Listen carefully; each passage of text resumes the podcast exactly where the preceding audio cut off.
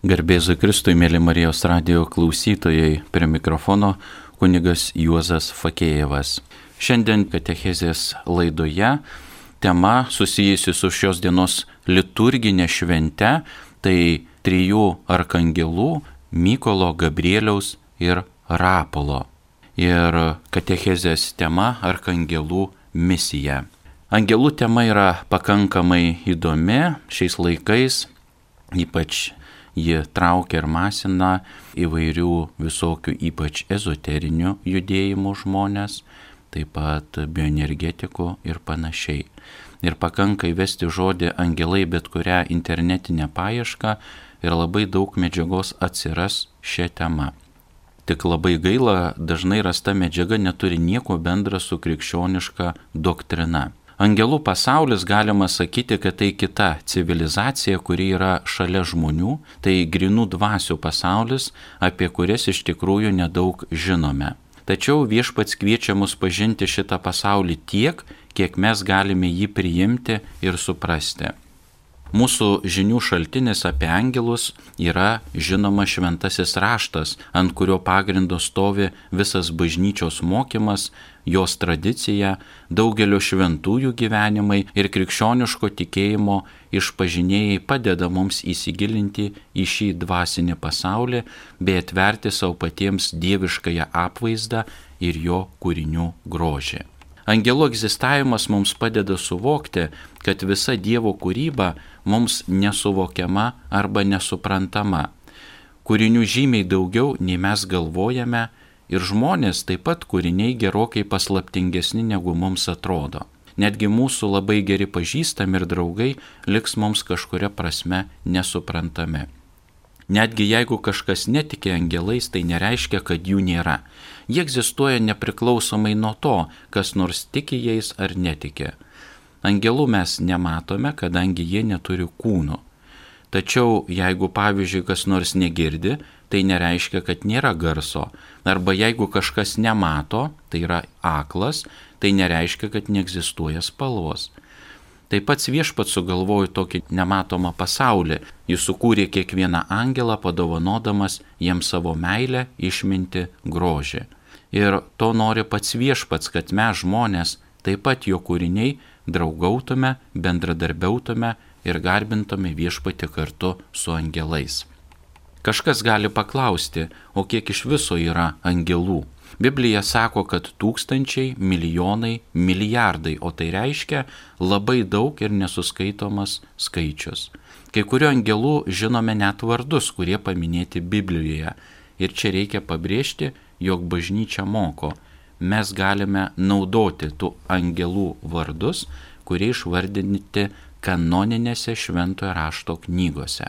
Buvo tokie laikai, kad kai kurie pradėjo garbinti angelus, kurių vardai yra apokrifuose arba kitose knygose.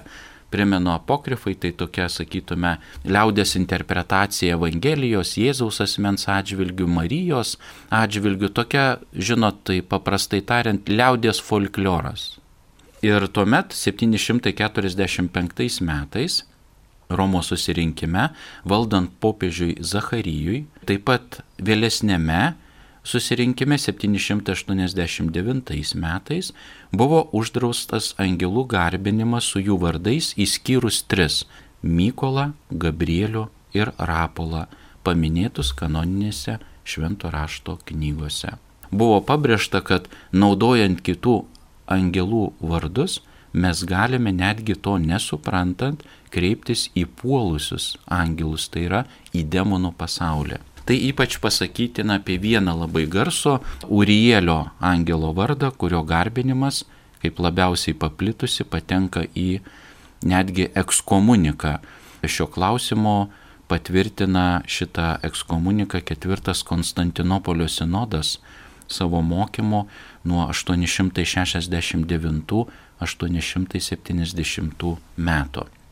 Išėjimo knygoje skaitome, kad Dievas Izraeliui pasakė, tikėk manimi, aš siunčiu angelą pirmą tavęs saugoti tave kelyje ir nuvesti tave į vietą, kurią paruošiau. Būk jam atidus ir klausyk jo balso. Jis turi mano vardą. Tai prašoma išėjimo knygoje.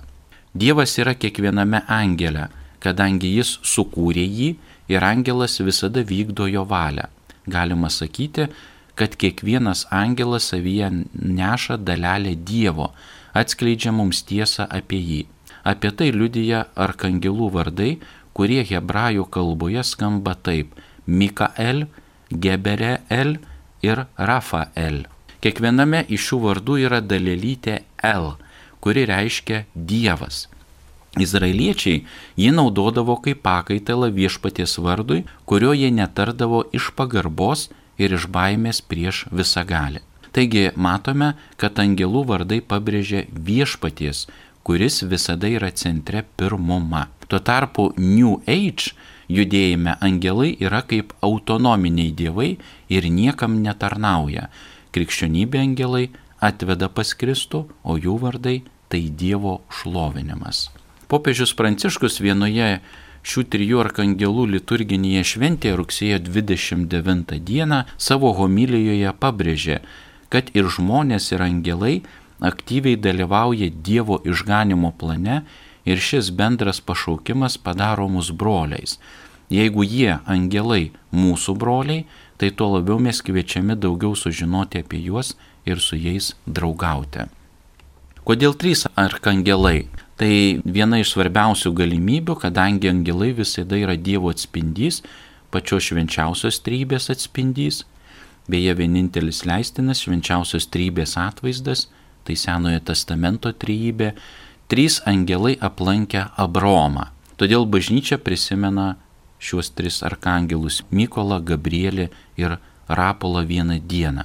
Kiekvienas iš jų simbolizuoja vieną iš trijų Dievo bruožų - gėri, protą ir grožį. Arkangelai Mykolas, Gabrielius ir Apolas yra visų angelų įvaizdis arba paveikslas. Tačiau visų pirma, mums parodo, kad mes taip pat turime ir angelo pašaukimą. Šitas pašaukimas visų pirma mums yra liturginis. Angelai gyvena tik dėl viešpaties garbinimo ir šlovinimo. Jų gyvenimas tai pastovi liturgija, pastovus gėdojimas, kaip prašo pranašas Izaijas. Šventas, šventas, šventas yra galybių viešpats. Taip gėdojo angelai regimoje šventykloje, net dūmai kilo. Taip ir mums reikia gyventi, visus mūsų darbus ir mintis paversti Dievo garbinimu. Arkangelai taip pat mums parodo mūsų diplomatinį pašaukimą. Žodis angelas išvertus iš graikų kalbos reiškia pasiuntinys ir tai siejasi su Evangelija, gerąją naujieną. Kaip tikrieji pasiuntiniai jie egzistuoja tiek, kiek jie yra viešpaties atstovai. Jie pasiusti tam, kad skelbtų Evangeliją, gerąją naujieną. Mums taip pat reikia būti Dievo pasiuntiniais ir Dievo atvaizdu žemėje. Ir trečia, angelai parodo, kad mes turime globėjo arba saugotojo pašaukimą savo artimųjų atžvilgiu. Viešpats siunčia mus kaip angelus mūsų draugams, tiems, kuriuos mes sutinkame savo kelyje, netgi jeigu mes šito nesuprantam ar nesuvokiame. Taigi, nors angelai yra nesuprantamo pasaulio simbolis, to, kurio negalime visiškai suprasti, jie padeda mums suvokti, kas mes esame ir koks yra mūsų pašaukimas. Taigi susipažinkime su trim arkangelais, kurie minimi šią rugsėjo 29 dieną. Žodžio angelas priešdėlis ark rodo aukštesnę tarnybą nei kiti angelai to, kuris taip vadinamas. Galima sakyti, kad arkangelai buvo siunčiami Dievo įvykdyti labai svarbių užduočių išganimo istorijoje. Taigi pirmasis Mykolas, hebrajiškai Michael, reiškia išvertus kas kaip Dievas. Arkangelas Mykolas šventajame rašte vadinamas kunigaikščiu, viešpaties kariuomenės vadu ir vaizduojamas kaip pagrindinis kovotojas su velniu ir visa neteisybė, kurią jis pasėjo tarp žmonių. Taigi Mykolas dažnai vadinamas graikišku žodžiu arkistrategas, tai yra aukščiausiasis karo vadas. Taip, arkangelas Mykolas pasirodė Jozui kaip padėjėjas užkariaujant su izraeliečiais pažadėtąją žemę, kaip rašoma Jozuės knygoje, viešpaties kariuomenės galva buvo Mykolas. Jis taip pat pasirodė pranašui Danieliui Babilonijos karalystės žlugimo dienomis ir Mesijo karalystės įsigalėjimo pradžioje. Danieliui buvo išpranašauta Dievo tautai pagalba iš Arkangelo Mykolo pusės prieš artėjantį persiekėjimą prie Antikristo. Apreiškimo knygoje Arkangelas Mykolas pasirodo kaip vyriausias vadas kare prieš drakoną velnę ir kitus sukilusius angelus. Apreiškimo knyga rašo. Ir užvirė danguje kova. Mykolas ir jo angelai kovojo su Slibinu. Ir kovėsi Slibinas ir jo angelai, bet jie pralaimėjo ir nebeliko jiems vietos danguje. Taip buvo išmestas didysis Libinas, senoji gyvatė, vadinamas velniu ir šietonu, kuris suvedžiodavo visą pasaulį. Jis buvo išmestas žemėn ir kartu su juo buvo išmesti jo angelai. Apaštalas Judas savo laiške Naujajam testamente trumpai užsimena apie arkangelą Mykolą kaip apie velnio priešą. Kai arkangelas Mykolas, besiginčydamas su velniu, varžėsi dėl Mozės kūno, jis neišdryso mesti pikdžodiško pasmerkimo, bet pasakė, tesu draudžia tave viešpats. Senajame testamente arkangelas Mykolas pavaizduotas kaip Dievo tautos gynėjas. Taip pat Mykolas yra šventosios bažnyčios globėjas ir gynėjas. Šitą vaidmenį jis atlieka pagal paties Dievo valią. Mykolas nuolat kovoja su velniu, kuris naudojasi bet kokią situaciją, kad patrauktų žmonės į nuodėmę. Aktyvumas kovoje yra būdingiausias Arkangelo Mykolo bruožas. Jis išskiria jį ir šiandien, nes velnės vis dar gyvena ir veikia žemėje. Dar daugiau, kai kuriais laikotarpiais velnio veikla žmonių pasaulyje tampa ypatingai akivaizdi. Susidaro įspūdis, kad dabartinis žmogus nenori pastebėti šios problemos, žmogus daro viską, kas tik įmanoma, kad išstumtų iš visuomenės sąmonės apie blogio dvasias danguje ir apie ugningas velnio strėlės, apie kurias liudyja laiškas Efeziečiams. Yra ir kitų istorinių epochų, kuriuose ši Dievo apreikšta ir dogmatizuota tiesa krikščionybėje, kurią vis dėlto taip sunku priimti, tampa visiškai akivaizdi ir beveik fiziškai apčiuopiama. Velnio aktyvumas visuomenėje ir žmonių sielose, kuris tapo akivaizdus ir beveik fiziškai juntamas, dėl to skatina bažnyčią kreiptis į šventąjį Mykolą pagalbos negandose ir apsaugoti nuo velnio veikimo. Valandų liturgijoje ir itmetinėje maldoje sakoma, Dieve, atsiųsk didžiojo arkangelo Mykolo pagalbą savo tautai, kad jis mus apsaugotų mūsų kovoje prieš velnę ir jo angelus. Tai pilnai tikroviškos ir labai pavojingos atakos, naikinančios Kristaus gyvybę žmonių sielose. Vienintelė apsauga nuo jų - Dievo malonės, angelų ir mūsų dangiškosios motinos Marijos pagalba. Arkangelo Mykolo gerbimas buvo pastebimas jau žydų tautoje, o krikščionis nuo pat pradžių ir amžių bėgyje ypatingai gerbė ir gerbė šį arkangelą, kas liudyja bažnyčių paskirimą jo garbiai. Tai yra dedikacija jo vardu, pradedant nuo ketvirtojo šimtmečio. Vien Konstantinopolyje buvo dedikuota šventam arkangelui Mykolui 15 tokių bazilikų. Pirmaisiais amžiais krikščionys gerbė Mykolą kaip dangiškai gydytoją, jo užtarimo prašė mirtini ligoniai ikonografijoje Mykolas labai dažnai vaizduojamas su kalaviju nugalintis drakoną arba laikantis svarstikles, ant kurių sveria gerus ir blogus darbus atėjusių sielų į viešpaties teismą. Kadangi Mykolas yra bažnyčios gynėjas ir užtarėjas, ji taip pat vaizduoja su smilkituvu rankose, pristatanti bažnyčios maldas prieš Dievo sostą.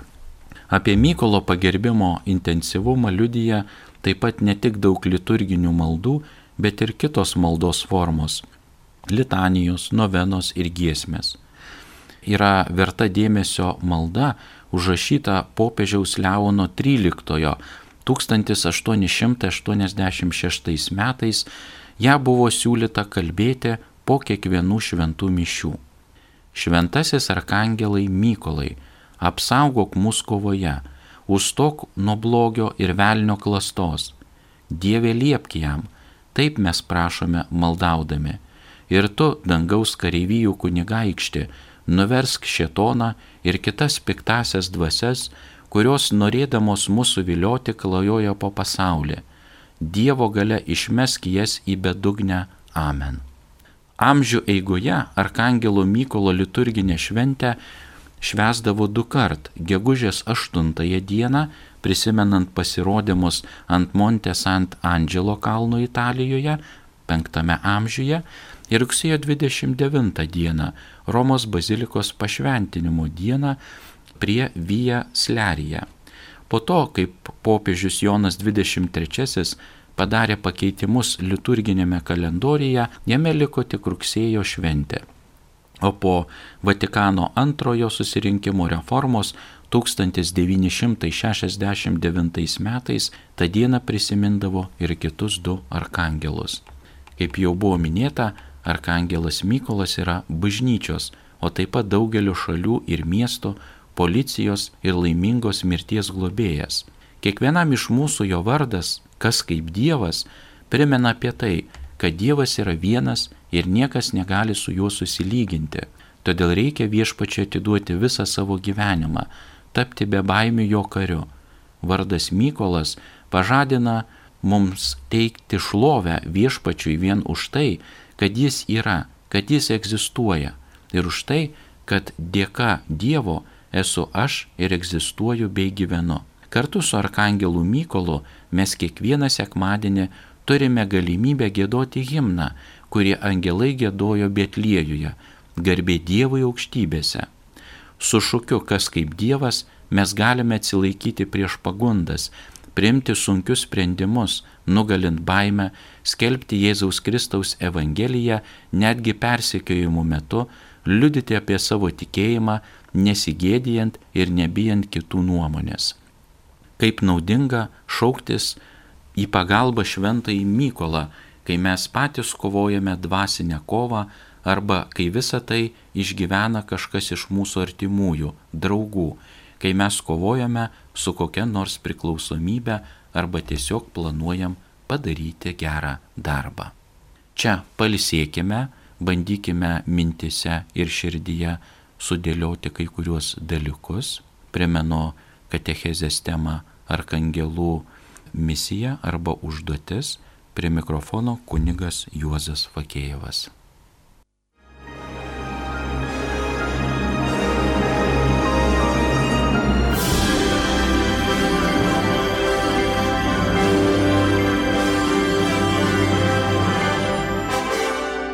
Jūsų dėmesio laida Katecheze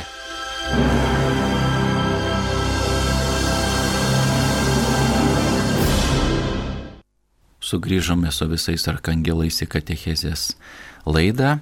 Šiandien rugsėjo 29-ąją minimi trys arkangelai, kurių vardai minimi Biblijoje - Mykolo, Gabrieliaus ir Apolo liturginė šventė. Šios dienos katechezė Arkangelų misija prie mikrofono kunigas Juozas Fakėjevas.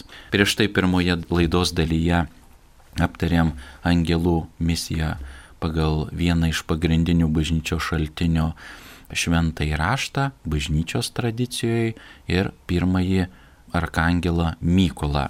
Toliau susipažinkime ir prisiminkime likusius du arkangelus. Vardas Gabriel hebrajiškai išvertus reiškia mano jėga Dievas arba Dievo jėga. Dievas įpareigoja arkangelą Gabrielių pranešti švenčiausiai mergeliai Marijai slėpiningą Dievo sūnaus įsikūnyjimą. Anksčiau Dievas jį pasiuntė pas pranašą Danielių, kad jam praneštų apie Kristaus gimimo laiką. Ir pas Senojo testamento kuniga Zacharyje, kad pradžiugintų žinia apie Jono Krikštitojo gimimą senatvėje. Iš to išplaukia, kad Šventojo Gabrieliaus misija yra susijusi su misijinės paslapties ir laiko pilnatvės ateimo skelbimo. Iš visų angelų tik Gabrielius buvo vertas atskleisti Marijai Dievo planus ir išgirsti jos atsakymą Fiat, pastebi šventasis Bernardas Klervietis. Angeliškas pasveikinimas skirtas Marijai toks paprastas ir lakoniškas, o kartu reikšmingas. Džiaugis Marija pilna malonės. Šis pasveikinimas tapo neatskiriama vienos iš labiausiai paplitusios krikščioniškos maldos dalimi. Taip pat manoma, kad būtent Gabrielius nekarta pasirodė sapne sužadėtiniui šventajam Juozapui, nurodydamas jam, kaip jam reikia rūpintis motina ir kūdikio. Todėl Gabrieliaus esybėje matomas šventos šeimos angelas sargas ir tapatina jį su angelu, kuris lydėjo Jėzų Getsemanė sode, o po to paskelbusiam jo prisikėlimą ir žengimą į dangų. Nuo senų laikų Gabrielių garbino kaip įsikūnijusio Dievo žodžio angelą ir ši tikėjimo tiesa rado savo išraišką maldose, prašant pagalbos priimant ir suprantant Dievo įsikūnymo slėpinį. Štai mums vienas iš atsakymų arba kelių melstį arkangelo Gabrieliaus išminties, tos dieviškos malonės suprasti Kristaus įsikūnymo slėpinį. Liturginis arkangelo Gabrieliaus pagerbimas minimas jau nuo pirmųjų krikščionybės amžių. Devintame amžiuje jo vardas atsiranda tarp šventųjų kovo 24 dieną sąryšyje su Jėzaus įsikūnyjimo švente. Amžių bėgyje dienos pašvestos Gabrieliui skyrėsi arba keitėsi. Tai kovo 18, 24 ir 26, birželio 7, 11 ir 20, lapkričio 8 ir gruodžio 18. 1921 metais popiežius Benediktas XV nustatė Arkangelo Gabrielių šventę kovo 24 dieną ir išplatino ją visoje bažnyčioje. Vėliau šventąjį Gabrielių pradėjo minėti rugsėjo 29 kartu su dviem kitais arkangelais - Mykolu ir Rapolu. O popiežius Pijus XII 1951 metais paskelbė Arkangelą Gabrielių radio, televizijos ir telefoninio ryšio globėjo. Gabrielius tai gimimo angelas, pradžia, šeimų globėjas ir tų, kurie dirba su žodžiu - žurnalistų, rašytojų ir paštininkų. Jo vardas asocijuojasi su posakiu pasakytų Marijai - Dievui nėra negalimų dalykų. Mūsų Dievas tai stebuklų Dievas. Nėra tokios problemos, tokios situacijos, iš kurios nėra išeities. Krikščionis turi teisę į pastovų džiaugsmą, kadangi jis yra Dievo rankose, kuris valdo pasaulį. Jėzus jau nugalėjo mirti. Mums nereikia jaudintis dėl kovos rezultato, atsiskleidžiančių prieš mūsų akis. Dėka Krikšto sakramento mes jau priklausome Kristui, o tai reiškia, kad pergalė tikrai bus mūsų pusėje. Į Gabrielių reikia kreiptis kiekvieną kartą, kai mums trūksta vilties, kai mes pradedam naują gyvenimo svarbu labai etapą, kai išgyvename baimę prieš naują dieną. Jo vardas mums primena, kur slypi mūsų visa jėga ir gale - tik Dieve. Šis arkangelas taip pat palaiko maldas ir išklauso sutoktinių, kurie prašo palikonių, saugoja šeimas bei stiprina santokinės ištikimybės pasiryžimą. Ir trečiasis šios dienos rugsėjo 29 liturginės šventės minimas arkangelas hebrajiškai Rafael Išvertus reiškia Dievas gydo. Apie Arkangelą Rafaelį Biblijoje užsimenama tik vienintelėje Tobito knygoje. Ten jis pristatomas kaip vienas iš septynių šventų angelų, kurie nuneša šventųjų maldas ir tarnauja prieš šventojo akivaizdą. Tobito knyga rašo, aš esu Rafaelis, vienas iš septynių angelų, kuriems leista tarnauti viešpatie šlovės akivaizdoje. Šitas angelas pavaizduotas žmogišku pavydalu. Šioje knygoje jis tampa jaunojo Tobito bendra keleiviu, jo veidliu ir globėju, padėjusiam jam įeiti į suaugusiųjų gyvenimą. Jis taip pat padėjo ligonėms, Tobijo senam tėvui ir jo jaunai žmonai Sarai. Tarpininkavo ne tik pagydant kūną, bet ir sielą. Nuo seniausių laikų bažnyčia Rafaelį garbina kaip keliaujančiųjų globėją, o taip pat dangiškojų užtarėjų tų, kurie atlieka savo dvasinę kelionę per gyvenimą. Jo liturginis minėjimas kyla bent jau iš viduramžių. Popiežius Benediktas XV jo minėjimą padarė privalomą visai bažnyčiai ir iki kalendoriaus reformos jo garbiai šventė buvo spalio 24 dieną. Dabar šis liturginis minėjimas švenčiamas rugsėjo 29-ąją, tą pačią dieną prisimenant likusius du arkangelus Mykolą ir Gabrielių. Šventasis Rafaelis parodo Dievo apvaizdos gerumą, todėl kai kurie bažnyčios mokytojai jame išvelgė idealų angelo sargo paveikslą.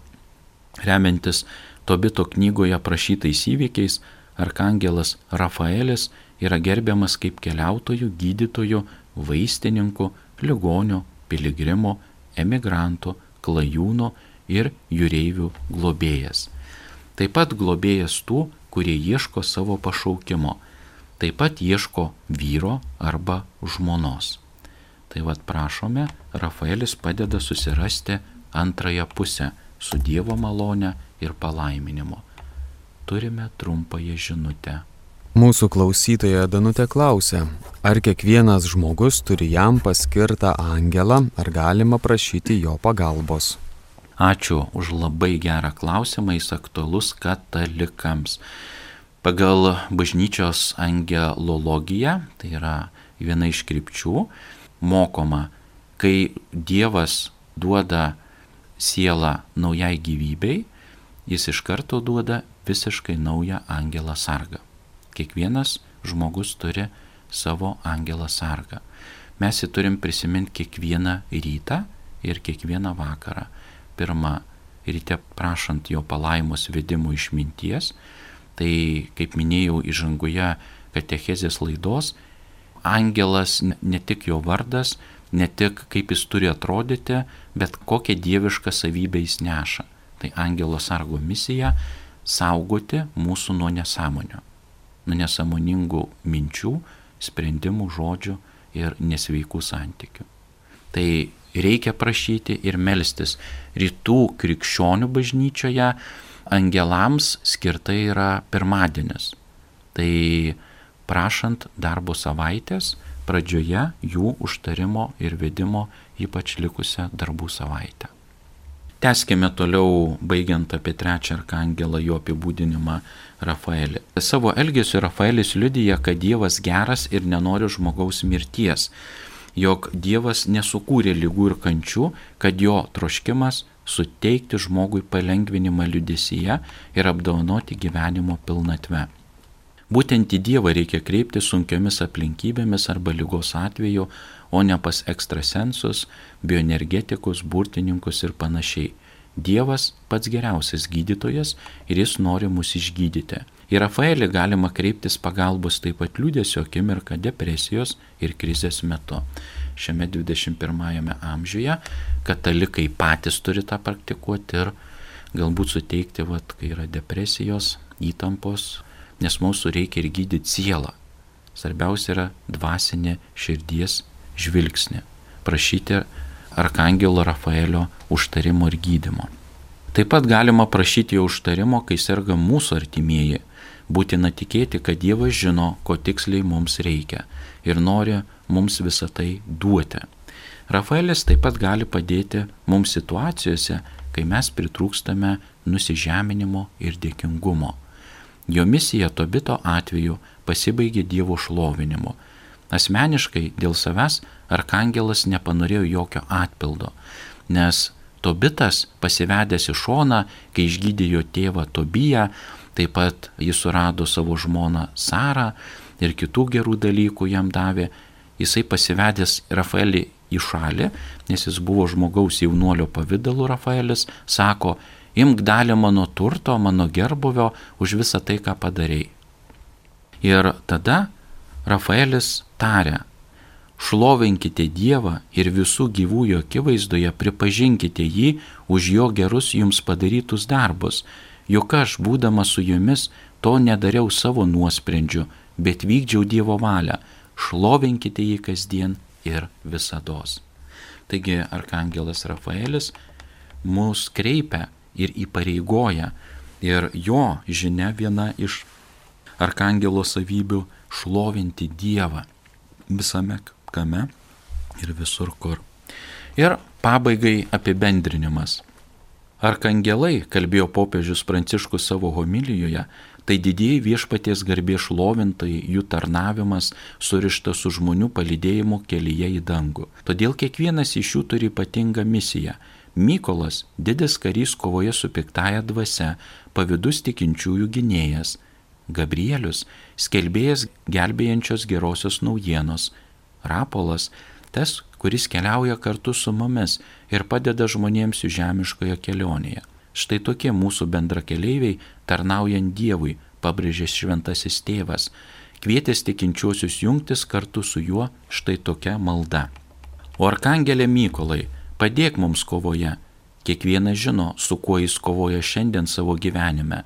Kiekvienas iš mūsų žino apie pagrindinį savo mūšį, nuo kurio pabaigos priklauso išganimas padėk mums, o arkangelė Gabrieliau, atnešk mums gelbėjančią gerąją naujieną apie tai, kad Jėzus yra su mumis, kad viešpats atnešė mums išganimą, dovanok mums viltį, o arkangelė Rapolai, paimk mus už rankos ir padėk kelyje, kad mes nesuklystume pasirinkdami kelią ir nestovėtume vietoje. Mes visada turime ir privalome eiti pirmin su tavo pagalba. Pabaigai dar turime trumpąją žinutę.